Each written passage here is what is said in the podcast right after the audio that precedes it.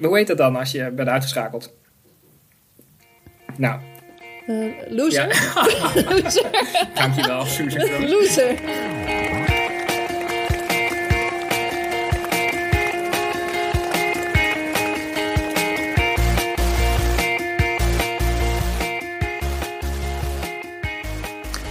Welkom bij de 58e aflevering van Suzy Q&A, de podcast over hardlopen, training en wedstrijden. Ik ben Olivier Heimel, hoofdredacteur van Runners World. En aan de lijn heb ik Susan Crummins, tweevoudig Olympisch atlete en gespecialiseerd in 25 rondjes. Suzanne, dat is lang geleden. Ik moest zelfs even opzoeken welke aflevering het was.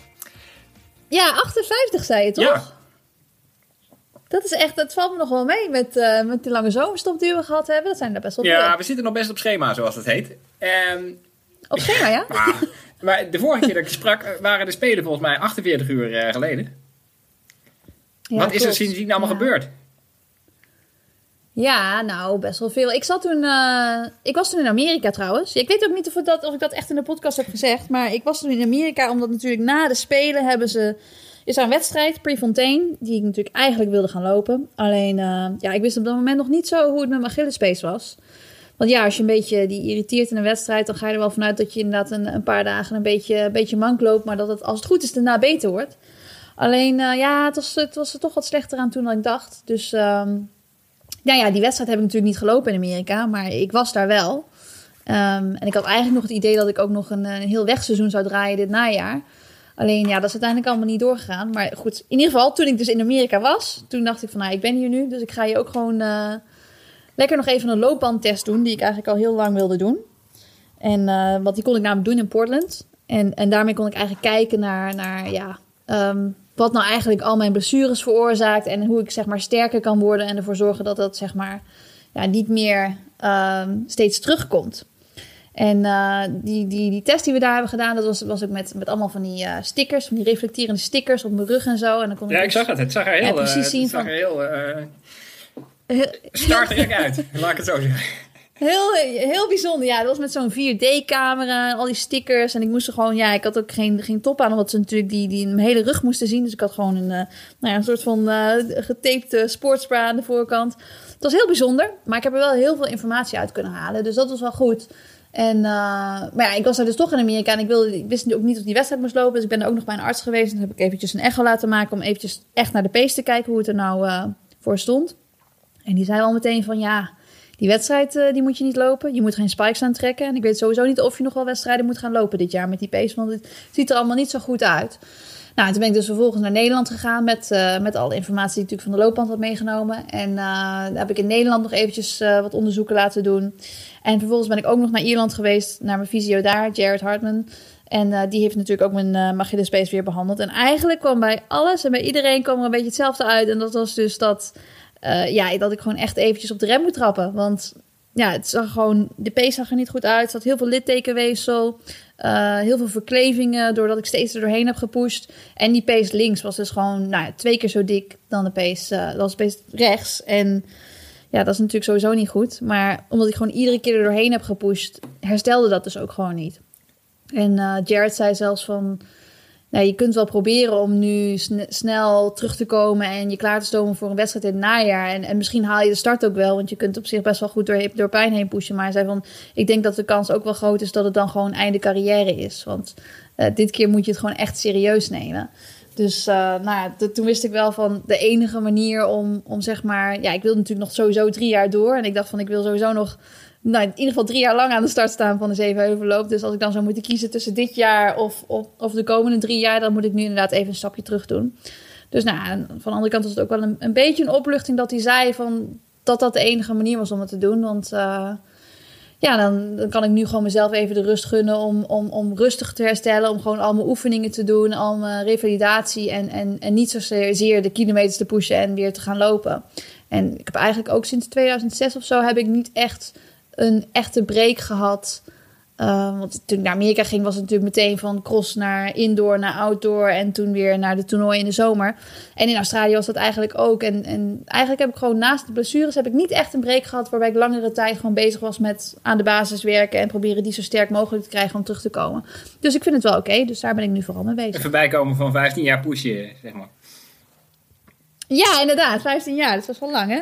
Maar en dat littekenweefsel, zie je dat dan steeds kleiner worden? Of?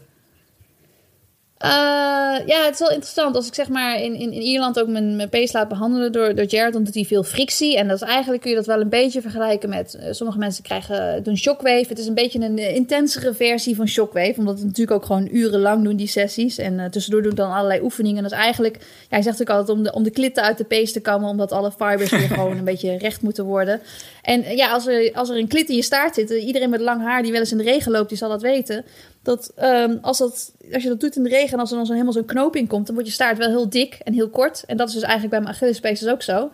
Um, dus dat betekent ook, dus als ik dus die, die frictie doe en als ik dat littekenweefsel dus een beetje meer uh, oplos, dat die pees ook inderdaad meteen slanker wordt. Dat was inderdaad na de eerste, eerste dag van, hadden we misschien drie uur behandeld en die pees was gewoon meteen dunner. Dus dat is wel fijn, want ik heb ik heb wel een heel, de pees is heel, maar hij is dus niet zo functioneel. En dat, die, die functie, dat moet dus weer terugkomen, dat die elasticiteit er weer in zit. Um, dus nou ja, daar zijn we aan begonnen en daar ben ik dan vooral mee bezig. En verder ben ik gewoon alternatief aan het trainen. Ik doe iedere dag uh, elliptico. Uh, en daarnaast alle oefeningen die ik dus uit Amerika heb meegenomen. Want ja, er kwam wel, uh, wel hele interessante resultaten uit die test verder. want je moest echt een beetje opnieuw leren lopen, toch? opnieuw leren lopen. Ja, nou, een beetje wel. Ze hebben wel veel dingen verteld en ik heb wel dingen. Ja, er is wel veel uitgekomen wat ik eigenlijk inderdaad nog niet wist. Want ik wist wel dat. Nou, ik krijg vaak zijsteken en ik heb vaak last van, zeg maar, mijn Achillespees en voet en, en een beetje lower leg injuries.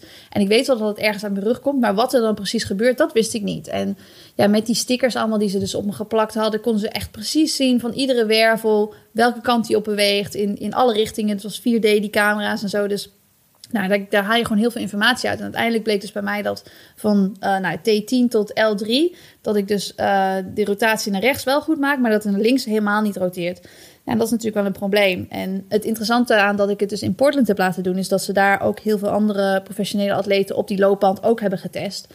En daar kunnen ze dan een beetje natuurlijk mee vergelijken. En ze zeiden ook wel dat ze ja, kijk, ze hebben dan bijvoorbeeld atleten gewoon van Bowman Track Club en uh, Oregon Project, Oregon Track Club. En ze zeiden wel dat er inderdaad ook andere atleten waren van die teams.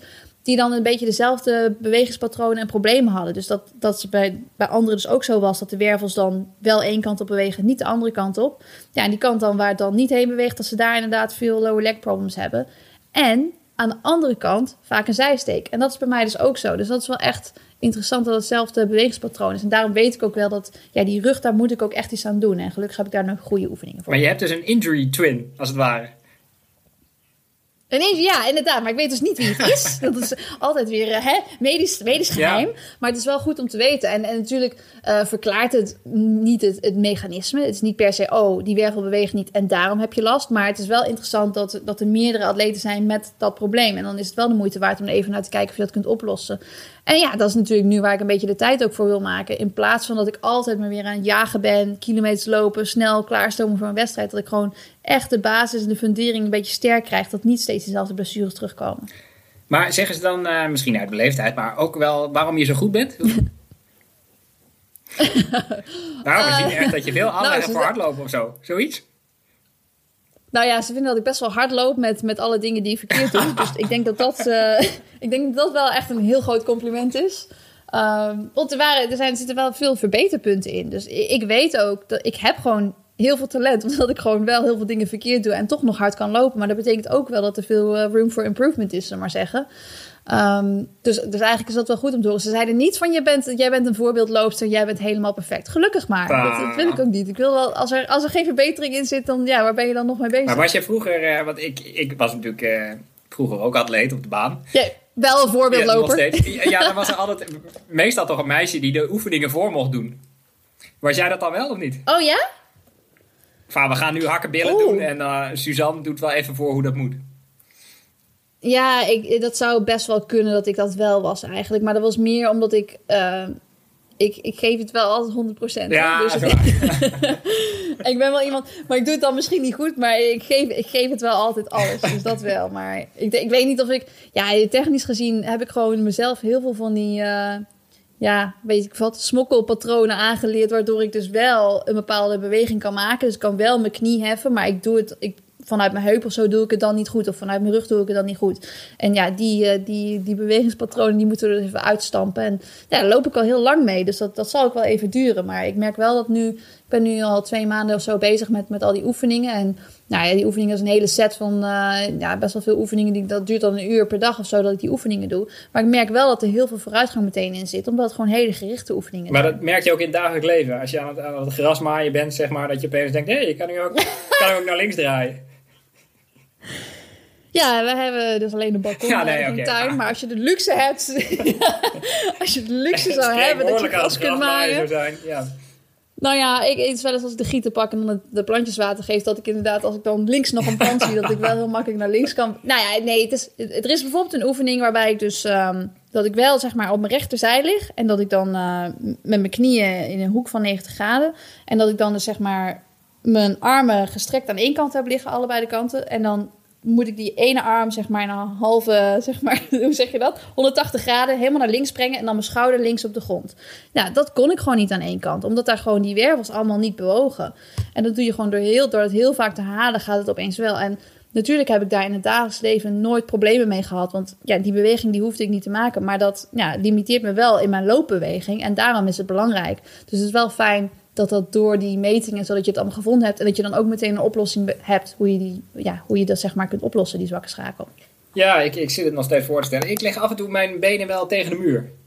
Maar dat vind ik al lastig zat. Ja? Dat vind je lastig zat. En waarom is dat moeilijk? ik kan me het niet zo goed voorstellen hoe het moeilijk Want jij is. kan gewoon met je be- benen tegen de muur, zeg maar recht tegen de muur, en dan je billen helemaal tegen de wand. Ja, maar dat is gewoon, eh, is gewoon 90 graden dan. Ja, bo- ja, gewoon 90 graden. Ja, exact, ja. Maar alles boven de 90 wordt Ja. ook een beetje eh, apart, hè?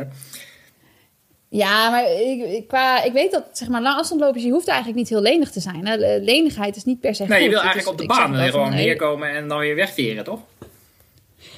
Ja, en een, korte spier is ook, is ook gewoon een, een snelle reactieve spier. Maar het moet gewoon niet zo zijn dat je dus aan één kant, eh, nou ja, dat, dat een hamstring zo kort is dat je dan je been niet goed naar voren kan brengen. En dat het aan je heup gaat trekken en dat je dan weer last van je onderrug krijgt. Weet je wel, dat soort dingen. Dat is een soort van kettingreactie. Dus als het een beetje gelijk is links en rechts, is het, is het vaak wel gewoon hoe het natuurlijk voor jou het beste is. Dus daarom, ik vergelijk ook altijd links en rechts. Maar goed, als je dan met zo'n rotatieding, als je dan ziet dat je de ene kant wel opkomt en de andere kant gewoon helemaal niet, dan is het gewoon heel duidelijk dat dat niet zo hoort. Ja, maar ik denk ook altijd, de atletiekbaan is natuurlijk ook allemaal eh, bochtjes naar links. Dus misschien mag je ook een heel een beetje Dat is wel waar. asymmetrisch zijn. Ja. Maar er zijn natuurlijk niet zo heel veel mensen die echt gewoon alleen maar rondjes lopen. Hè? Kijk, zelfs... Kijk, ik, ik train natuurlijk voor 10 kilometers. Maar ik probeer eigenlijk ook niet te veel op de baan te doen. Omdat inderdaad heel vaak bochtjes naar links maken... is gewoon best wel belastend voor je lichaam. Eh, omdat het inderdaad gewoon asymmetrisch is. En dan ja, krijg je links aan, eh, aan de binnenkant bij je adductor krijg je sneller last. En dan gaat het weer ergens aan trekken en dan zit er weer iets scheef. En dan krijg je ergens last van. Terwijl je diezelfde training ook gewoon bijvoorbeeld op een fietspad zou kunnen doen. Dus ja, ik, ik ben zelf niet van het heel veel rondjes lopen. Maar eh, ja, iedereen moet natuurlijk gewoon doen waar ze zin in hebben. Hè? Als jij, la- le- jij leuk rondjes wil lopen, dan, dan moet je dat vooral doen. Maar ik vind het zelf heel belastend. Ja, ik ben gek op rondjes, ja. Maar ik ben dan niet zo excentriek dat ik, dat ik de andere kant op ga lopen. Dat zou natuurlijk ook nog een optie zijn, maar dat voelt een beetje als heiligschennis op een atletiekbaan. Ja, nee, dat lijkt me ook echt helemaal niks. Dat is. eh, nee. Lijkt me ook. Ik heb wel eens, ik heb wel eens een, een rondje de andere kant op gelopen en ik vond dat heel zwaar. Dat is gewoon. Dat, dan is die beweging ook niet natuurlijk, zeg maar. Dus. Echt waar? Zo? Nou, ik ga gelijk eens proberen. Ja, je Ja. moet wel echt een beetje alleen zijn. Nee, ik zou het niet doen. gewoon, gewoon meteen proberen. Ja, sterkte erbij. hey, maar in de tussentijd waren bleven andere mensen natuurlijk wel gewoon eh, wedstrijden lopen. Ja, Zoals Shalane Flanagan, die eh, ja, ook wel eens een dag geen wedstrijd loopt, maar wel eh, maar liefst zes marathons Ja. in zeven weken, zeg ik het goed? Zeven weken. Ja, alle, alle majors dan. Alleen dus de Tokio, dus eh, virtueel geloof ik, hè? Ja, en, en zij is officieel gestopt. Ja. Ja, dat klopt. Dus die, ja, die, de laatste keer dat ik haar met haar getraind heb was in, in 2017, was in St. Moritz. En eh, volgens mij heeft ze daarna ook heel veel last gehad van, eh, van knieblessures en zo. En is ook geopereerd. Eh, maar heeft ze daarna ook gewoon weer even rust genomen. Is ze gewoon gaan coachen en zich op andere dingen gericht. En, en nu kan ze dus wel weer gewoon duidelijk heel veel kilometers aan. Ik vind het wel bijzonder. Ehm, vooral zeg maar, ehm, wat was het? Chicago en Boston, die waren toch twee dagen op rij? Ja. Heeft ze tussendoor even een ijsbadje. Dus nou ja, mensen als ze thuis willen proberen. Je kunt best twee, twee marathons op rij en een ijsbadje ertussen. Dat kan makkelijk, joh. Ja, het, liep, het liep ook nog eens. Uh, wat liep ze in Londen? 2,35 of zo? Ja, 2,35. ja, ze wilden ze eigenlijk allemaal onder de drie uur. Dus ik denk dat ze wel best wel snel daar heeft gelopen. Dus ik dacht ook wel van, dan zal na die dubbel zal wel lastig worden. Maar uh, nou, die heeft uiteindelijk ook gewoon overleefd. Dus is gewoon goed bezig. Ja, dat is uh, echt uh, heel knap. En in Londen keek jij natuurlijk ook naar jouw uh, trainingsgenootje. Ja, uiteraard. Uh, Charlotte. Charlotte, Charlotte Harlander puur ja. zang. Want die, die liep daar 2,23. Ja, die heeft wel een, inderdaad een hele aparte looppas. Maar wel, ja, ze is, wel, ze is toch wel gewoon heel efficiënt. Ja, je zou het niet zeggen als je naar de armen Nee, ik denk dat jouw vrienden in Portland heel teleurgesteld zijn. oh. Ja, maar ze waren met mij ook teleurgesteld. En mensen zeggen altijd dat ik mooi loop. Dus dat is, uh, ik denk dat het, dat het, dat het oog, dat het, ja, wat je, wat je denkt dat misschien uh, efficiënt is, dat het niet per se mooi hoeft te zijn. Maar um, ja, 2,23. Ja, het was natuurlijk wel echt super mooi dat ze daar zo goed liep. Ook omdat Kijk, en dat, er zit wel echt een heel verhaal achter. Want ze heeft wel heel veel tegenslagen gehad en heel veel teleurstellingen in, in de afgelopen jaren. En ik denk ook wel dat ze daarom hier zo hard wist te lopen. Want ze is bijvoorbeeld, uh, nou, voor Tokio werd ze gewoon niet geselecteerd, terwijl ze wel de limiet had. En ook uh, voor Rio ook en, niet. En voor Tokio was ook een ja. van de snellere, toch? Ik bedoel, ze had de tweede tijd of zo? Ja, volgens mij. Ja, volgens mij was het tweede tijd inderdaad. Ja, dat was gewoon. Uh, ze, ze, werd uiteindelijk niet gekozen. En het werd ook niet helemaal duidelijk uitgelegd waarom dat niet zo was. En ik denk ook wel dat ze daar een beetje een fout hebben gemaakt. En ik denk dat ze dat, ze dat nu ook wel inzien. Maar goed, um, ja goed, ik weet ook wel van haar dat ze ook wel heeft gezegd van de, de Olympische Spelen, dat is ja, voor een marathonloper is dat ook niet alles. De majors zijn natuurlijk ook heel belangrijk, maar het is natuurlijk wel nu twee keer op rij ge, gebeurd dat ze wel een limiet had en niet geselecteerd werd. Dus dat was wel nou ja, een behoorlijke teleurstelling. En daarnaast, zeg maar, voor uh, Berlijn, het EK in 2018, heb ik met haar die hele stage gedaan. Dus nou ja, we hadden allebei heel goed getraind. En uiteindelijk kwam er voor mij een goed resultaat uit. En nou, zij had misschien zelfs nog wel beter getraind. Alleen toen tijdens de marathon in, in Berlijn kreeg ze kramp en moest ze uitstappen.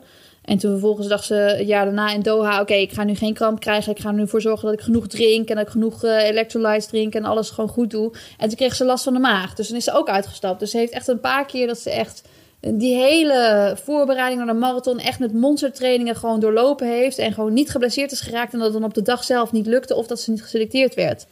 Nou, dat is natuurlijk. Uh, dat, uiteindelijk heeft het haar wel, denk ik, gemotiveerd om, om zeg maar nog harder te werken. En er gewoon voor te zorgen dat ze, dat ze hier zo hard zou lopen. Dat toch een beetje fire in the belly om, om er helemaal voor te gaan. Dus ja, ik vind dat wel mooi. Als je haar dan zo ziet lopen, dan als je dat verhaal erachter kent, dan. Uh, ja, dat is, sowieso is het natuurlijk verdiend. Want uh, om 2,23 te lopen moet je gewoon hard trainen. Maar het is wel mooi dat ze dan zo terugkomt van, uh, ja, eigenlijk van een periode van allemaal struggles. En heb jij dan als, uh, als echte fangirl ook echt gelijk een berichtje gestuurd? Of, of zeg je later, weken later, goed gedaan? Of?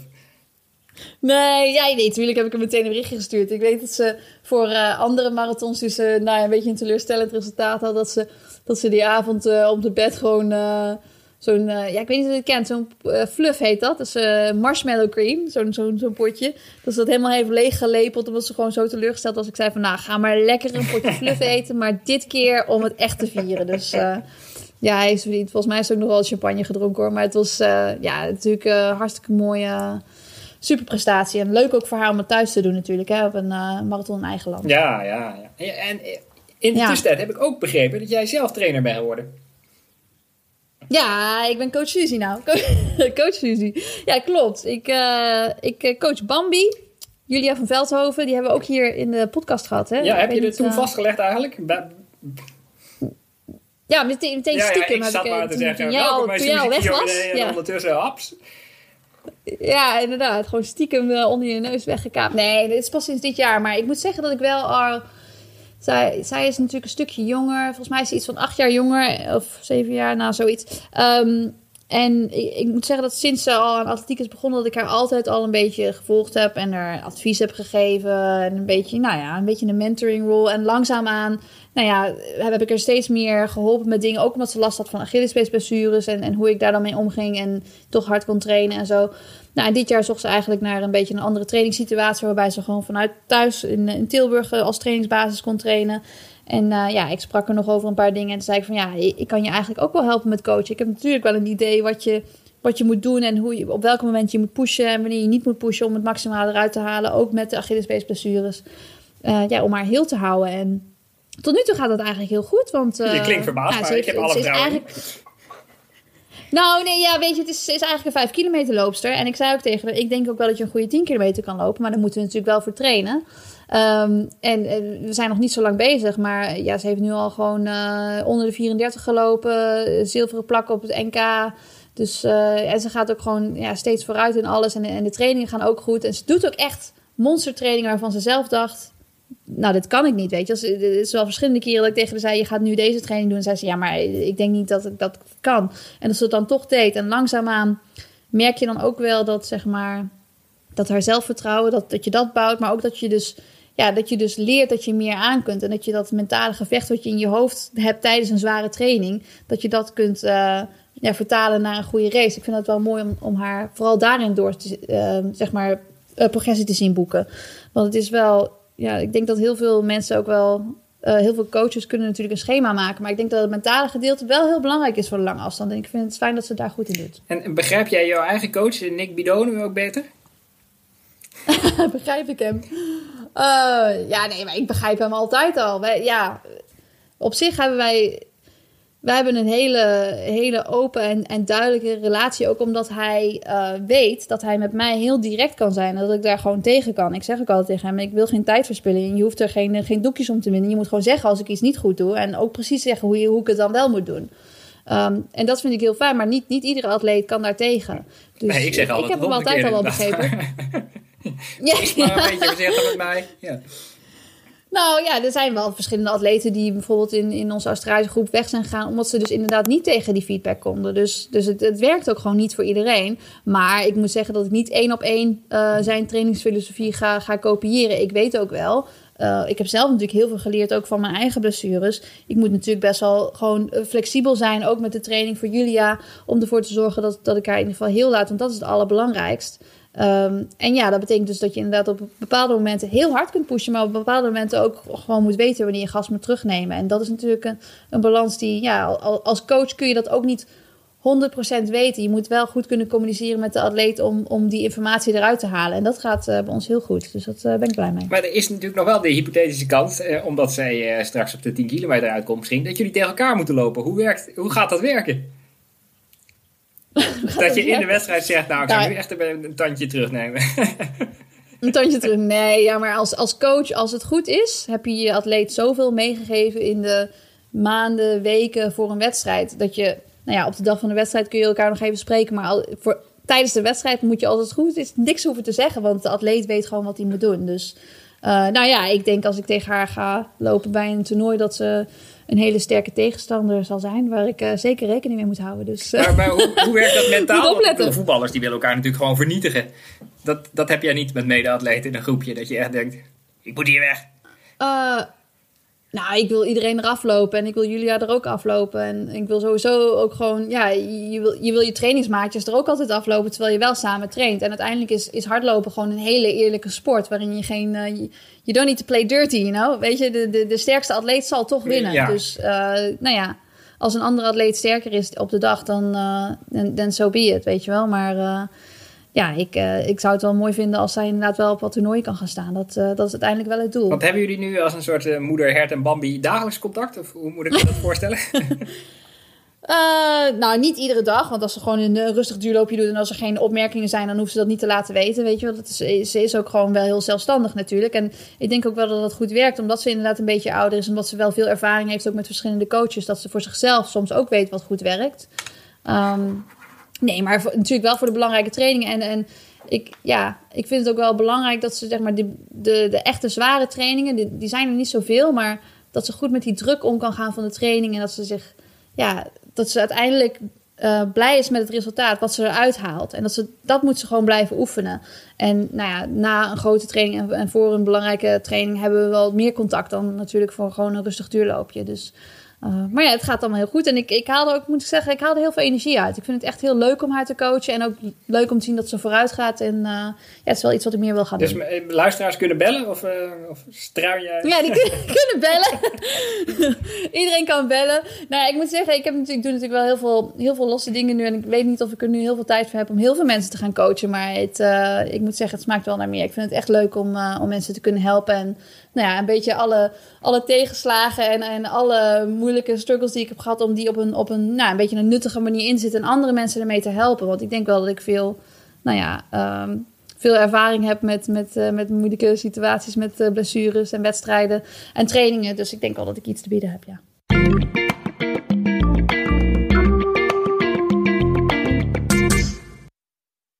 Ik denk wel dat veel trainers echt actief op Strava zitten tegenwoordig. Ben jij al een beetje bekeerd? Of?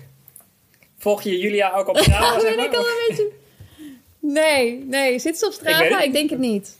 Uh, uh, ja, misschien heeft ze wel Strava. Ik weet het niet of ze Strava heeft. Nee, maar weet je, het is... Um, ik weet van onze gesprekken in ieder geval. Wij zijn allebei daarin wel een beetje hetzelfde. Dat we niet heel erg van de statistieken zijn. En veel meer van het, op het gevoel lopen. En natuurlijk zijn uh, splits en zoals je een baantraining doet. Of, of uh, nou ja, de, de kilometersplits die je loopt tijdens een threshold. Dat is, dat is wel belangrijke informatie om te weten als, als feedback. Um, nou ja, ook om te kijken of, of je de goede kant op gaat en, en wat de volgende training moet zijn.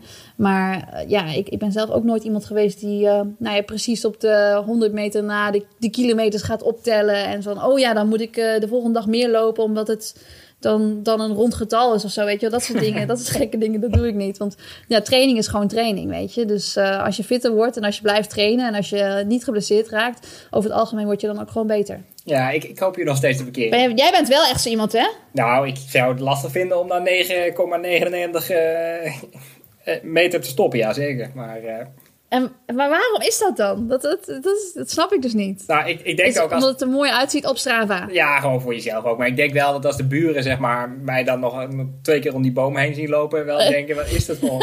ja goed, dat heeft misschien niet puur die boom smaken. Want je staat natuurlijk eerst... Maar jij, jij hebt wel, je loopt wel met, met een horloge, toch? Dus jij staat ook eerst te wachten op een satelliet gewoon. Dat vind ik wel eigenlijk het pijnlijkste moment. Dat je er zo in de buurt, in de regen dan met je pols zo half in de lucht, ja. alsof die halve meter dan nog uitmaakt, zo richting een satelliet staat. Moet jij wachten op een satelliet? Ja, nee, ja, ik, ik druk gewoon op start zodra ik buiten ben. En als hij dan een satelliet gevonden heeft, is het leuk. En als hij dan niet gevonden heeft, dan heb je die eerste kilometer gewoon oh, inderdaad wow. Oh nee, dat zou ik helemaal niet kunnen. is echt helemaal gek dit, hè? Helemaal gek. Ja, want ik, ik, ik weet inmiddels wel een beetje waar, zeg maar, vanuit thuis dan de eerste kilometer waar die dan piept. En dan piept hij soms ook gewoon op een hele andere plek. En denk van, nou, ik heb gewoon precies dezelfde kant op gelopen. Dus dat, dat klopt natuurlijk niet. Maar dat vind ik ook echt geen probleem. Nee, dat, uh, daar heb ik geen moeite mee. Oké, okay, nou, ik denk met heel veel praten kom ik op, op, een dag ook op die plek. Maar... Uh... Ja. oh nee. Um, Misschien ooit. Ja, ik weet ook niet, ja. Uh, hoe is het eigenlijk? Misschien... heb je al een beetje in gedachten wanneer je weer wil terugkomen? Ja, wanneer ik weer. Ja, weet je wat is? Het is. Ik. Uh, ik vind natuurlijk, al, vooral omdat er nu zoveel wedstrijden weer doorgaan. Ik heb zo lang natuurlijk ook geen wedstrijden kunnen lopen. Is het, is het wel een beetje. Ik heb wel een beetje FOMO, weet je wel. Dat, dat iedereen nu ieder weekend heel veel wedstrijden aan het lopen Best wel is. snelle schoenen ook. Um, ja, hele snelle schoenen allemaal. En, en, en, leuke wedstrijden met publiek en zo. Dus ik vind, ik vind dat wel, wel moeilijk. Maar ik weet ook dat ik me daarvoor, daardoor niet moet laten afleiden. Dat het ja, ik ben gewoon een nieuw huis aan het bouwen en ik moet eerst een beetje aan die fundering werken. Ik hoef nu nog niet dak erop te leggen, weet je. Het is, het is gewoon, als ik nu wedstrijden ga uitzoeken waar ik wil gaan lopen, dan weet ik niet of wat realistisch is dat ik daar ook kan lopen. Dus ik, ik ben daar op dit moment niet echt mee bezig. En ik kijk wel naar alle wedstrijden. Het is niet zo dat ik me helemaal uh, aan het verstoppen ben voor de, zeg maar, al die marathons die nu bezig zijn. Ik vind het echt super leuk om te volgen en... Uh, nou ja, ik, ik, ik, ik volg het wel en ik ben niet, niet jaloers of zo. Maar ja, ik had er wel graag bij willen zijn. Maar ik heb dus nog niet echt dat ik zeg van nou deze wedstrijd, daar moet ik echt staan. Maar volgend jaar is er een uh, WK op de baan in uh, Eugene en er is een EK in uh, München. Dus dat zijn natuurlijk wel twee grote doelen. Dat is nog best wel ver weg. Maar ik moet me er ook nog verplaatsen. Dus, hoe ver liggen die uit elkaar in eerste instantie vind ik het... Maandje, maandje. Dus er zit een maandje tussen. Dus uh, ja, je kunt ze gewoon allebei doen. Maar ik moet gewoon uh, ervoor zorgen dat ik een beetje sterk het jaar in ga. Dat ik niet uh, ja, een beetje met een gammel lichaam aan het jaar begin. En dat is nu gewoon echt even belangrijker. Ja. En dan moet je ergens in mei zorgen dat je plaatst of zo? ja, waarschijnlijk ga ik dat inderdaad doen. Want normaal dan, dan plaats ik me natuurlijk in het toernooi het jaar daarvoor. Maar het is ja, als je niet finisht, dan krijg je ook geen, uh, geen limiet. Dus, dus ik moet inderdaad nog wel ergens een, ergens een 10 kilometer lopen. Dan, maar ik weet nog niet, uh, waarschijnlijk ga ik dat wel in Amerika doen, maar ik heb het nog niet vastgelegd. Ja, ja ik zat laatst, uh, ik zette er toevallig langs. Um, ja, gewoon de samenvatting van jouw Olympische jaren op Sigo te kijken. Ja, dat is eigenlijk vanaf, vanaf 2018. Ja. Hè? Dat is van hier tot Tokio, inderdaad. Dat is, die hebben me sinds september 2018 gevolgd. En ja, daar inderdaad één aflevering gemaakt van een uur. En daar zit het eigenlijk het hele verhaal in. Dus, ja, dat was heel mooi. Maar het viel me weer op hoe snel je je plaatste voor de Spelen die vervolgens nog jaren uitbleven, zeg maar. Ja, inderdaad. Ik heb me gewoon... Ja, dat is een eeuwigheid geleden dat ik me geplaatst heb natuurlijk. Bij, bij de Nobelprijs zit er nog langer tussen vaak. Maar dit was wel best extreem. ja, inderdaad. 2019. Ja, dat zal ook nooit meer zo gebeuren. Dat het, uh, dat het inderdaad zo lang van tevoren kan. Um, ja, dit, is, dit, het voelt voor mij ook heel lang geleden. Maar ik moet zeggen, toen ik het... Uh, toen ik de beelden zag, dacht ik wel van wauw, het is wel echt een, een, een hele reis naar zo'n toernooi toe met allerlei ups en downs. En als het dan nog helemaal weer uitgerekt wordt, dan is het nog, nog weer dramatischer als je ook weer een blessure hebt, dat het dan, ja, dat je daar nog langer mee zit. Dus ik, moet ik zeggen dat nu, nu het allemaal voorbij is, ik zeg niet van dat het een hele vervelende periode was waarvan ik had gewild dat ik het niet had meegemaakt. Maar ik moet wel zeggen dat ik opgelucht was dat ik nu weer gewoon eventjes, eventjes niks op de kalender heb staan. En gewoon eventjes kan kijken hoe word ik nou weer gezond zonder me te overhaasten voor het volgende En die, die cameramensen, dus, die mis je ehm, ook niet? die, die, die, mis ik uiteraard wel. Heel af en toe dan, uh, dan zit ik nog gewoon zo'n verhaal te vertellen en dan luistert er weer niemand. En dan denk je van ja, joh, wanneer komt de camera nou? Nee, dat was, ik, ik, vond het wel, ik vond het wel leuk om te doen. Ik vind dat ook... Uh, ik vind het ook wel leuk om, dat, om, om, die, ja, om die herinnering daaraan te hebben, weet je wel. Ik vind het wel, ja, het is een hele, het is wel een mooi verhaal en een mooie aflevering die ze ervan hebben gemaakt. Ja, zeker, ja. Ook al is het een beetje dramatisch. Heb je gehuild of niet? Eh, nou, ik huil niet zo snel, maar ik was wel uh, licht, uh, licht geëmotioneerd, ja. En ik vroeg me ook wel af of jullie een ja. reunie kregen, want ik, ik denk dat, dat Mathieu van der Poel misschien met nog minder plezier naar zijn aflevering heeft gekeken, maar... Ja, dat is, ja, weet je wat is die? Er zaten natuurlijk verschillende sporten in, in van hier te Tokio. Alleen, uh, ja, het is niet zo dat ik, uh, dat ik heel veel met, uh, met Mathieu heb lopen hangen deze afgelopen twee jaar. Want hij, hij deed gewoon zeg maar zijn eigen ding. Dus ik weet niet of er een reunie komt. Nee. Wat, is er wel iemand die vervolgens echt goud heeft gehaald? Of? Um, nou...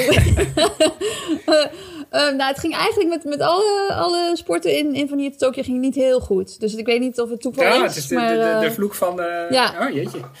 De vloek van hier tot Tokio. Ja, weet ik. Uh, volleybal is er natuurlijk niet geplaatst uiteindelijk. Uh, handbal, die waren denk ik ook niet heel blij met zijn resultaat. En, en 3x3 basketbal, nou natuurlijk wel supergoed dat ze zich gewoon geplaatst hadden. Alleen, uh, die hebben daar dan weer wat minder gepresteerd. Dus ja, ik denk niet dat het uiteindelijk voor de, voor de mensen... Maar goed, dat is toch wel, maakt wel weer mooie tv, toch? Dat is wel, ja, als alles allemaal goed gaat, dan is het ook zo voorspelbaar. Ja, en ze hadden echt kosten nog moeite gespaard. Er zaten ook beelden in Australië en in uh, St. Moritz bij en zo. Ja, nee, ze zijn de hele wereld rond geweest. Dus uh, ja, dat is, uh, natuurlijk vooral heel veel gereisd in, in, het eerste, eerste anderhalf jaar. En ik als ik daar zo naar kijk, denk ik ook wel van uh, dat was ooit normaal. En ik hoop ook dat het snel weer terugkomt. Dat we weer gewoon de wereld over kunnen reizen voor wedstrijden en uh. Nee, ik dacht dat er nu kwam, dat was ooit normaal. En nu zou ik het heel anders aanpakken. Maar ja, ik kan gewoon niet wachten. nee, nee, dat niet. Ik zou het nog steeds op dezelfde manier doen. Want nu is alles wel weer een beetje hetzelfde voor jou. Want zat je normaal nu in Australië? Of, uh... Nee, ja, normaal zou ik met de, met de kerst zou ik dan inderdaad wel naar Australië gaan. Ehm, ik heb uh, en dus familie natuurlijk ook al twee jaar niet gezien. Dus dat is wel gewoon, dat is nog steeds niet normaal. Maar zodra we weer naar Australië kunnen, dan ga ik daarheen. Um, dan gaan we toch een soort van kerst vieren wanneer het ook kan.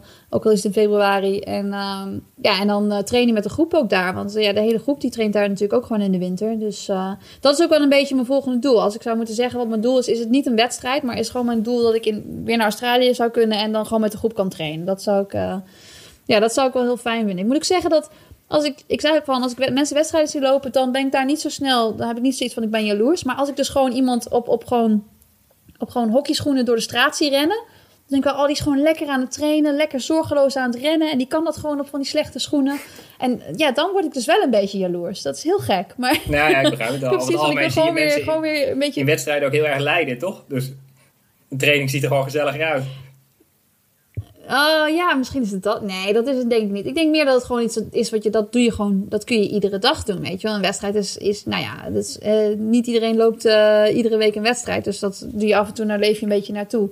Maar ja, gewoon dagelijks kunnen trainen en gewoon kunnen rennen, dat is wel iets waar ik weer gewoon naar, naar, uitkijk. Ja.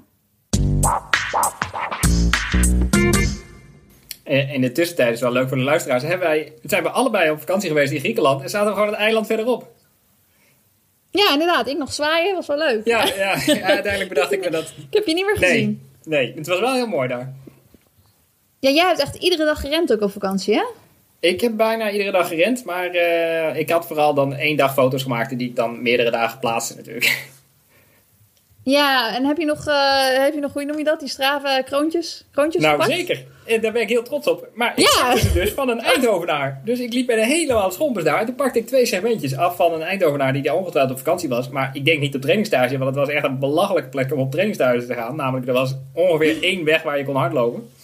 Um, en ja. die was uh, ja, langs een luchthaven. Die wel grotendeels ja. gesloten was. Uh, maar als er iemand reed, reed hij ook wel heel hard. En je zat in zo'n ber met allemaal beesten die ik niet kon uitbrengen. En uh, uh, op Kreta is het ook heel gewoon om een beetje in de berm in te halen. Um, oh jee. Oh jee, dus je moet wel echt opletten. Ja, toevallig kreeg ik... Ja, loop je dan tegen het verkeer in of niet? Je loopt wel tegen het verkeer in, toch? Uh, in, in, Nederland niet, maar hier ben ik tegen het verkeer in gaan lopen. Omdat ik wel dacht dat dat dan toch veiliger was. Dat ik toch nog een soort, in een soort koplamp ja. zou lopen. Ja. Maar ja, jij kent dat niet op Strava, maar je kan dus local legend zijn als je daar vaak genoeg gelopen hebt. En ik was daar dus maanden ja. geleden, maar ik kreeg toevallig deze week nog een mailtje dat ik niet langer local legend ben bij de luchthaven. Dus kan je nagaan. Oh, moet je weer even Hoeveel ik daar gelopen nou, heb in een paar dagen. Ja, want als je het kloontje kwijtraakt, dan ga je het ook nooit meer terug veroveren. Hoezo niet? Nou, ik, ik, moet je dan niet ik, gewoon ik harder verwacht lopen? niet dat ik heel snel terug ben op Kreta. Oh, oké. Okay. Ja, oké. Okay. Ja, ik snap het. Ja. Nou, maar misschien is dat wel een reden om weer terug te gaan. Om even het kroontje weer terug te pakken, toch? Ja, ja maar dan, dan laat je het je, wel je leven behoorlijk beheersen. Ja, maar dat is toch met mensen die op Strava zitten? is dat Jij niet bent zo? een heel verkeerd beeld van ons. Ik heb wel voor het eerst trouwens ook een segmentje aangemaakt. Nee, voor de tweede keer. Oh joh. Uh, maar daar was ik ook heel tevreden Ja? over. Ik had zo'n steile berg te pakken dat ik denk, dit moet een segmentje zijn. Maar dus, uh, als je dan eenmaal weet hoe dat moet, dan uh, fantastisch. Oké, ja, leuk. Nou, eh, misschien kom ik er nog wel een keertje en uh, ga ik nog rennen op, de, op, op vakantie. Dat is uh, meestal is dat niet zo'n heel groot onderdeel van mijn vakantie, maar, Maar dan, misschien wel, hè? nou, ik zal de segmentjes aanwijzen. ja, dan wel. Ja. Ik heb, Kan ik eigenlijk, kan ik, kan ik een kroontje van, is er, is, is er verschillen tussen, tussen vrouwen en mannen of kan ik dan ook een kroontje van, van mannen afpakken? oeh, ik, ik Dat lijkt me wel leuk, eigenlijk dat namelijk. jij dan het vrouwenkroontje afpakt, ja. Ja, het is, Niet de het is niet heel, uh, heel uh, multigender allemaal. Oh ja. Het algemene kroontje. Jammer. Ja, Ja, ik heb al eens een keer een kroontje gepakt en toen zette er iemand eronder. Je zit nu heel interessant te doen over dit segment, maar uh, Sifan Hassan zou dat joggen pakken. Uh, En zei ja, dat, Dat- kan dat niet. deed wel kan een niet. maar uh, ach ja, soms moet je gewoon maar niet reageren. Ja. gewoon blij zijn met je segmentje. Nee, oké. Ja, maar ik weet niet of Sifan op, op Strava zit. Ik, misschien was dat wel een goed antwoord geweest. Nou, ik dacht ook wel, het was een, helemaal niet zo'n lang segmentje. En natuurlijk echt op de kortere afstanden, ja. Ja, het staat mijn PR's nog iets scherper dan die van Sivan, maar uh. Nou heb ik me toch laten Ja. tot een klein commentaar op deze snode commentator. Oké, ja. God. Ik, uh, ja, we hebben binnenkort een interview met haar, uh, dus ik, we zullen het er vragen. Oké. Heb jij nog een leuke Nou, vraag aan Ik ben Sivan? benieuwd. Heb ik nog een leuke vraag aan Sifan? Heb je de... Wat is een... eh, wat is een... een, een ehm, wat is een sport die ze nooit doet, omdat ze nu hard loopt en die ze graag zou willen doen? Wauw. dus jij hoopt op iets als langlopen of zo? Iets wat... Ja, weet ik niet. Ben benieuwd. Ja, ik hou heel erg van tennissen en dat doe ik niet eigenlijk, ja, weinig. Eh, Bijna nooit. Omdat het niet zo lekker combineert met hardlopen. Maar ik vind het wel heel leuk om te doen. Ben je ook goed in tennis? Nou, dat, ik weet niet. Ik ben heel goed om bij de bal te komen. Als ik dan bij de bal ben, dan is het een beetje, ja, 50-50 of die bal naar de goede plek gaat eigenlijk. Dus uh, nee, ik zou mezelf niet goed willen noemen. Ik heb vroeger wel heel veel sporten gedaan, dus uh, uh, ook getennist. Maar ja, ik, ik heb uiteindelijk denk ik wel de goede sport gekozen. Laten we het daarop houden. ja, ja, want tennis is best, als je fanatiek bent, is het best frustrerend als je niet heel goed bent, lijkt me altijd. Althans, ik was een hele slechte tennisser en ik vond het heel moeilijk om mee om te gaan. Oh, oké. Nee, ja, ik, ik, ik won wel dingen, maar dat was denk ik ook omdat ik dus gewoon heel snel bij de bal was. Dus dat was, ja, op, op die leeftijd zeg maar, als je, als je jonger bent, is, is dat wel belangrijk. Als je bij de bal in de buurt komt, dan heb je het al best wel goed gedaan. dus, uh, maar heb je geen andere sporten nou, gedaan ik heb dan? zeker, ik heb er zelfs een keer een tennistoernooi gewonnen. En Dat was het, uh, Ja. maar dat was het, het afvaltoernooi of zo. Dus ik had de eerste ronde verloren en daarna kwam ik in de, nou bij judo hebben ze dat ook. Uh, hoe heet dat dan als je bent uitgeschakeld? Nou, Uh, loser? Ja. loser. dankjewel Susan loser. Uh, ja, toen kwam ik, en toen stond ik gelijk in de halve finale van dat toernooi. Maar toen kwam mijn tegenstander niet opdagen, omdat hij kennelijk het loser toernooi niet zo interessant vond. Uh, en toen ging Ja. ik dus door naar de finale. En toen kwam mijn tegenstander weer niet opdagen. Waardoor ik gewoon de beker won. En uh, ik weet nog dat ik die beker in de vak De losersbeker. De beker, heel tevreden. Ik was 12 of zo. En dat Oh, die mevrouw toen zei: Nou, vet. op deze manier wil natuurlijk niemand winnen. Terwijl ik dacht: Wow, ik heb de beker.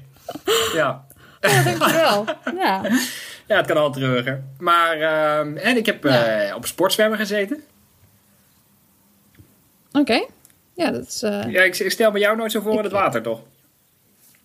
Ik, nee, ik ben echt allergisch voor water. Dit is echt... Uh, maar het is ook wel omdat ik het heel erg associeer met uh, geblesseerd zijn.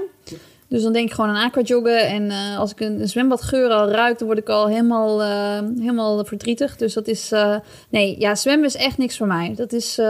ik, ben een, ik ben een landdier. Dus, maar als we daarbij nee, optellen helaas... dat je ook niet fietst, dan kunnen we de triathlon dus ook wel gevoeglijk uitsluiten. Ja, nou ja, ik, ik denk eigenlijk wel dat ik kan fietsen. Maar ik... ja, ik, ik hou er gewoon ook niet zo van om dezelfde reden eigenlijk. dat het me doet, doet denken aan, aan nee, dat ik de, doet me denken aan, aan geblesseerd zijn. Dat is, dat is het denk ik. Maar hey, misschien kan ik nog wel een keertje een uh, runbike run doen of zo. Ja, dan kom ik kijken. Dat vind ik uh, leuk.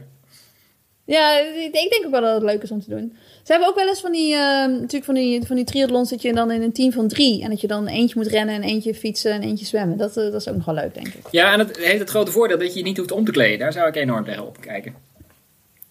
Ja. Dat je echt lekker bezig bent en dan krijg je je veters niet vast of zo. Ja, zoiets. Ja, nee, dat, is, ja, dat is, moet je ook oefenen. Nou, we gaan een keer een... Uh, hoewel, als wij een runbike run doen, dan, ja, dan moet er een van ons twee toch wel fietsen. Nee, maar dat doen we dan gewoon tegen elkaar. Dat is goed. dat, uh, dat kunnen we gewoon alle onderdelen doen. Dat is prima. Ja.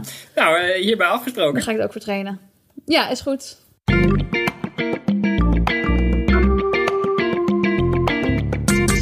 En Amsterdam is dit weekend, ja, hè? daar moeten we het ook nog even over hebben. Veel, veel uh, goede Nederlanders aan de start Ja. ook. Ja, Amsterdam uh, Marathon. Ja. Loop jij hem ook, toch? of Nou, niet? dat was ik zeker van plan. En daar heb ik ook hard voor getraind de afgelopen weken. Maar drie weken geleden of zo werd ik een beetje, een beetje verkouden. Nou, dus eigenlijk steeds verkoudender. Oh. Um, dus toen liep mijn plan een beetje averij op. En uiteindelijk zei mijn coach, ja, nu heb je de langste duurloop niet gedaan. Die van 2,5 uur. Dus probeer dan die in Amsterdam Mhm. te doen.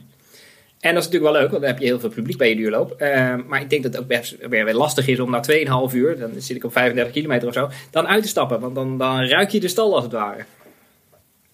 Ja, ja. hoe ver kom je dan, denk je? Uh, ja, dit is een beetje gokken, maar uh, stel dat ik redelijk op wedstrijdtempo loop, dan, uh, dan zit ik op 35 kilometer. Oh ja. Dat Wat zou jij doen?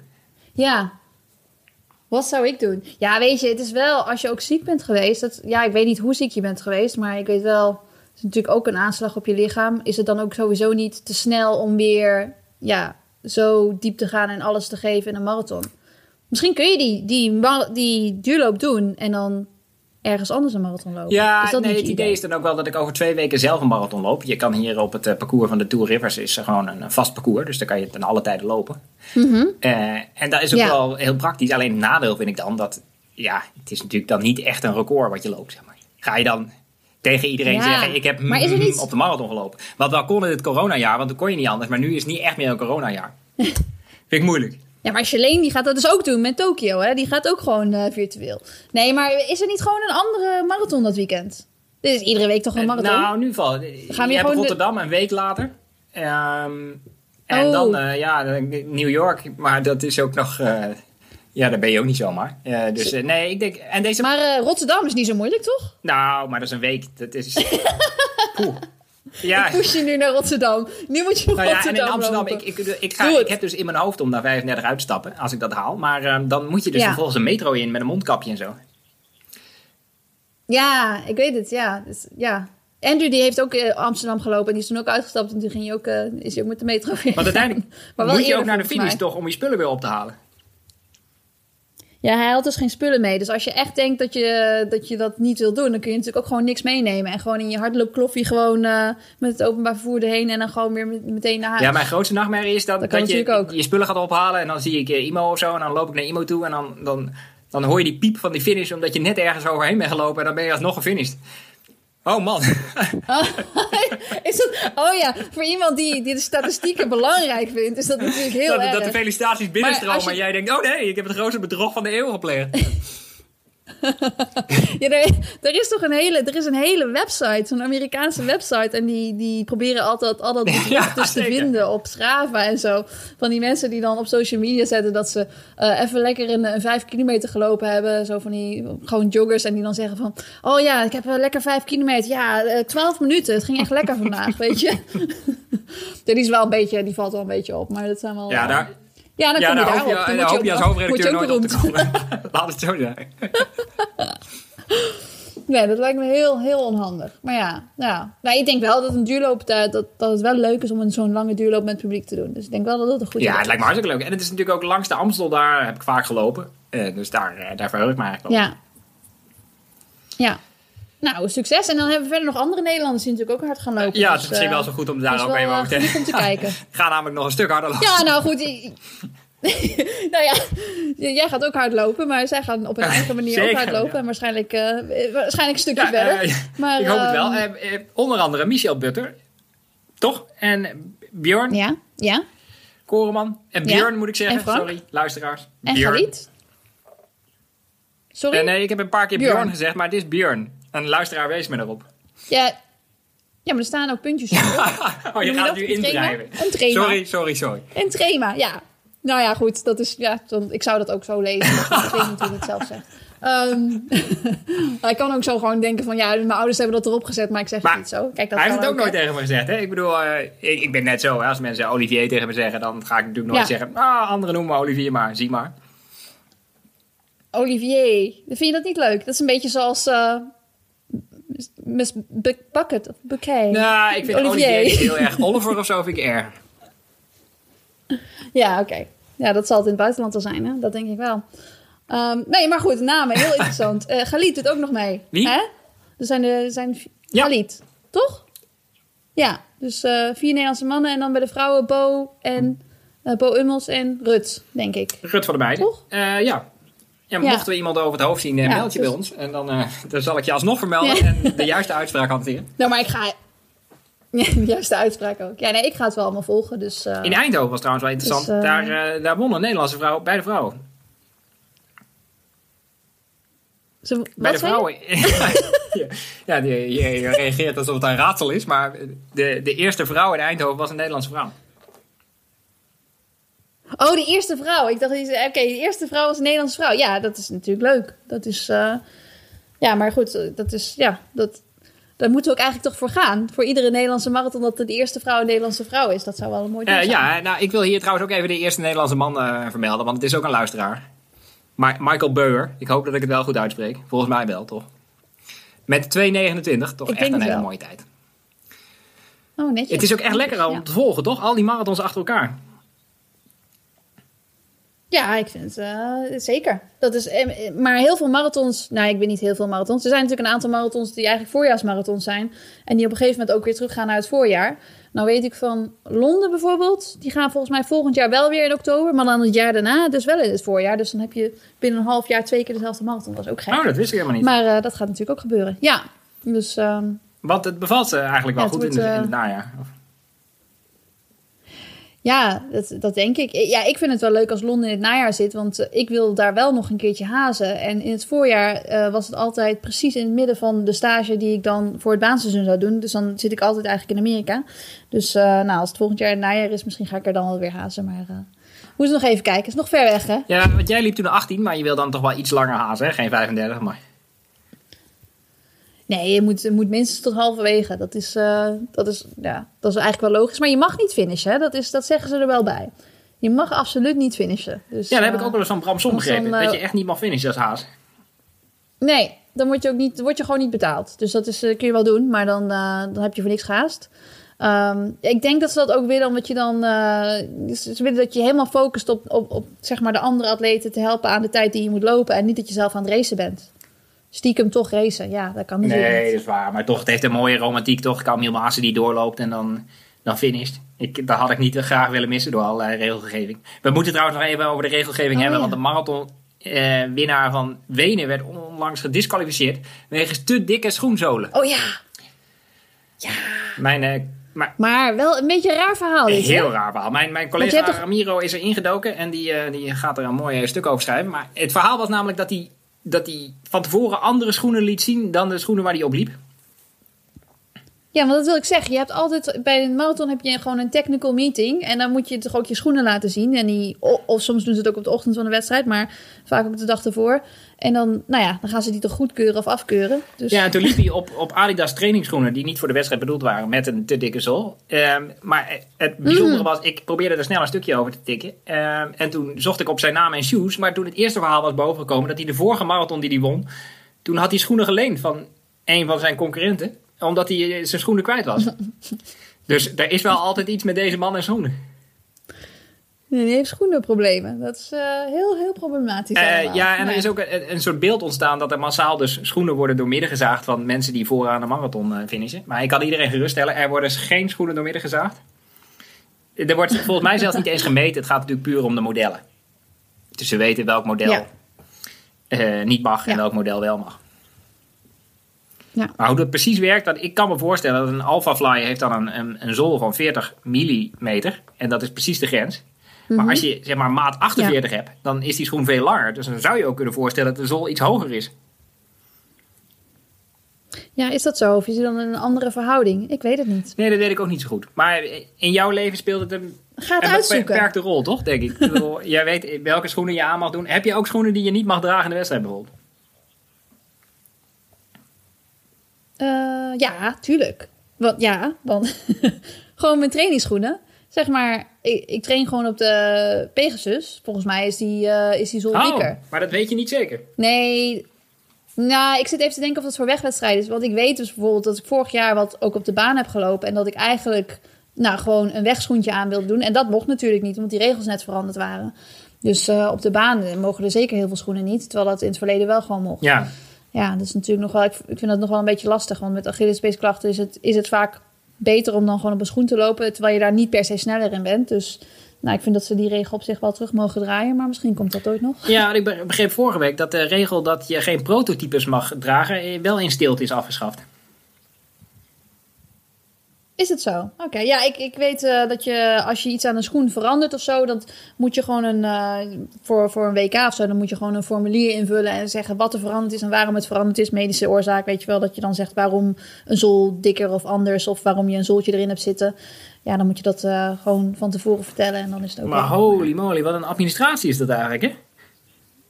Ja, uiteindelijk wel. Ja. Dat je als buitenaards wezen zeg maar over de aarde vliegt en denkt wat zou ze hier aan het doen zijn. Nou, dan blijkt het... Ja, precies, eh, schoenuitzonderingen aan het noteren. ja. Eh, nou, met deze opwekkende Ja. gedachte kunnen we hem afsluiten, denk ik. En dan, ehm, dan eh, hoop ik jou snel weer te zien eh, of te spreken met, met een gast erbij. Laten we een leuke gast verzinnen. ja, dat komt goed. En snel weer. Geen zomerstop. Nee, precies. Eh, zo zijn wij helaas aan het einde gekomen van deze 58e aflevering van Suzy Q&A. Dank Suzanne, ook en dank onze technicus van Dag en Nacht Media. Dank eh, beste luisteraar, ook namens Suzanne. Blijf luisteren en lopen.